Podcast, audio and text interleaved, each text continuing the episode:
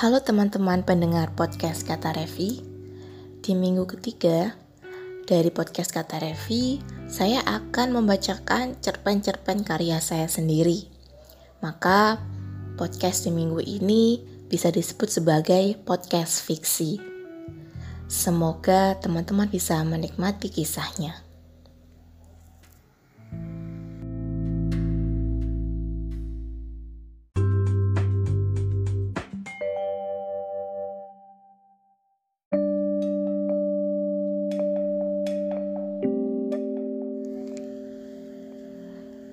Kirana menyeret kakinya yang kurus itu keluar dari rumah.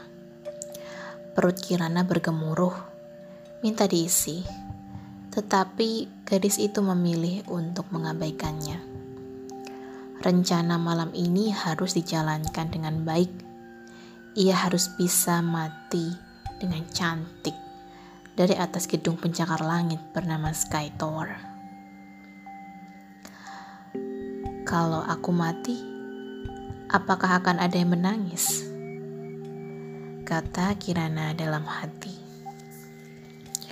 Bukan hal yang sepele, sampai akhirnya gadis berambut keriting lebat itu bercita-cita untuk bunuh diri.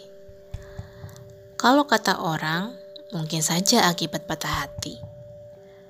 Akibat kehilangan orang terkasih atau barangkali karena dia sudah bosan hidup sendiri.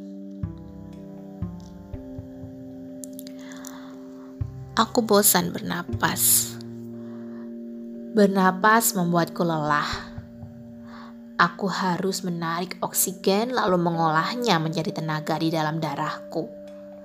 Aku sadar jika seluruh bagian tubuhku sedang bekerja keras.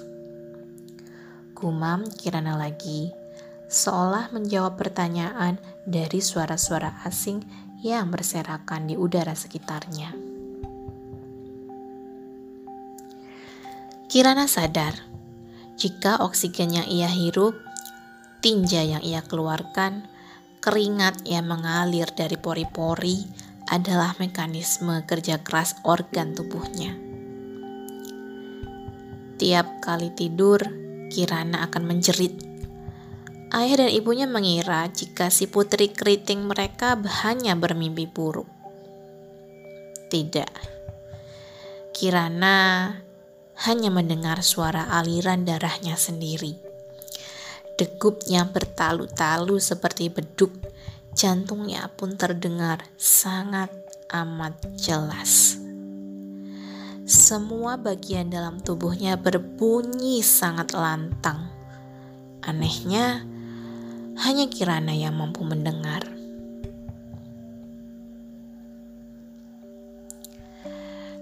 Lalu malam ini Kilana terus berpikir.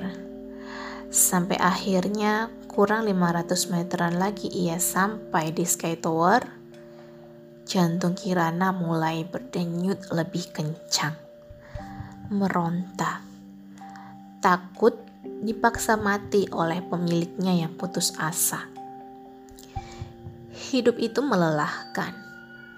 Dan Kirana capek terus-menerus selama enam bulan ini harus terganggu dengan suara organ tubuhnya sendiri. Kirana sampai takut tidak bisa tidur sendirian. Hidupku penuh dengan dusta. Suara cempreng seorang pria mabuk mengejutkan Kirana. Hai cantik, kamu mau ke mana? Kamu mau ke gedung itu untuk bunuh diri? Tanya si pemuda mabuk. Kirana tercekat. Ia heran. Kenapa laki-laki pemabuk itu bisa tahu jalan pikirannya?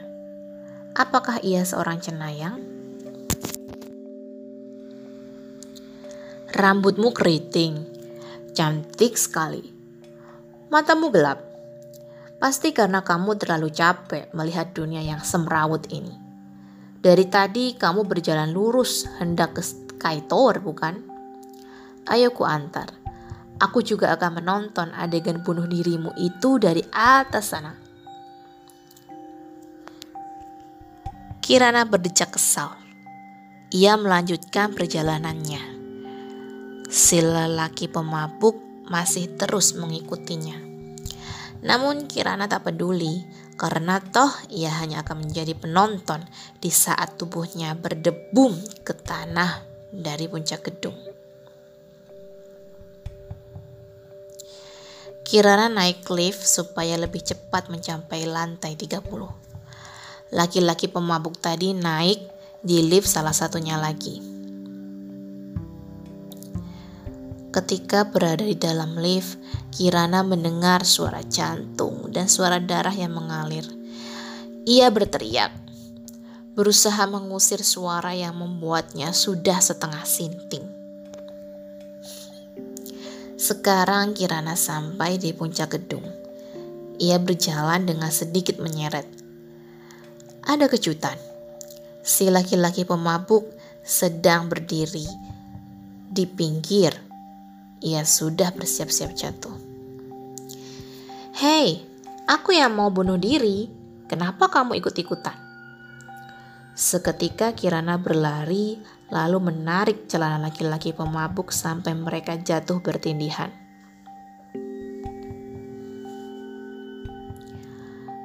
Kenapa kamu melarangku Kirana? Kamu kan juga mau mati. Kalau kamu masih peduli dengan nyawa orang lain, Kenapa kamu tidak sayang dengan nyawamu?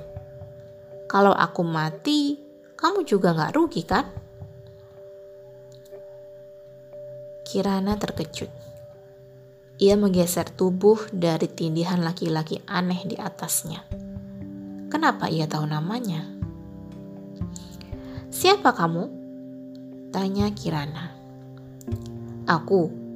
Aku laki-laki di terminal yang selalu memastikan kalau kamu bisa tidur tanpa diganggu orang. Kamu cantik Kirana, aku suka rambut keritingmu. Kamu pernah mengigaukan namamu sendiri. Kamu itu cantik. Dek.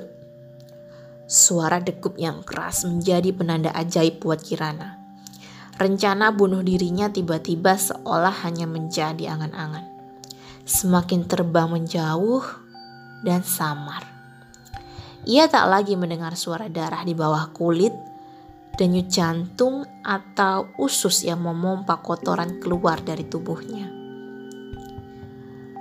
Kamu hanya kesepian, Kirana. Aku juga sepi.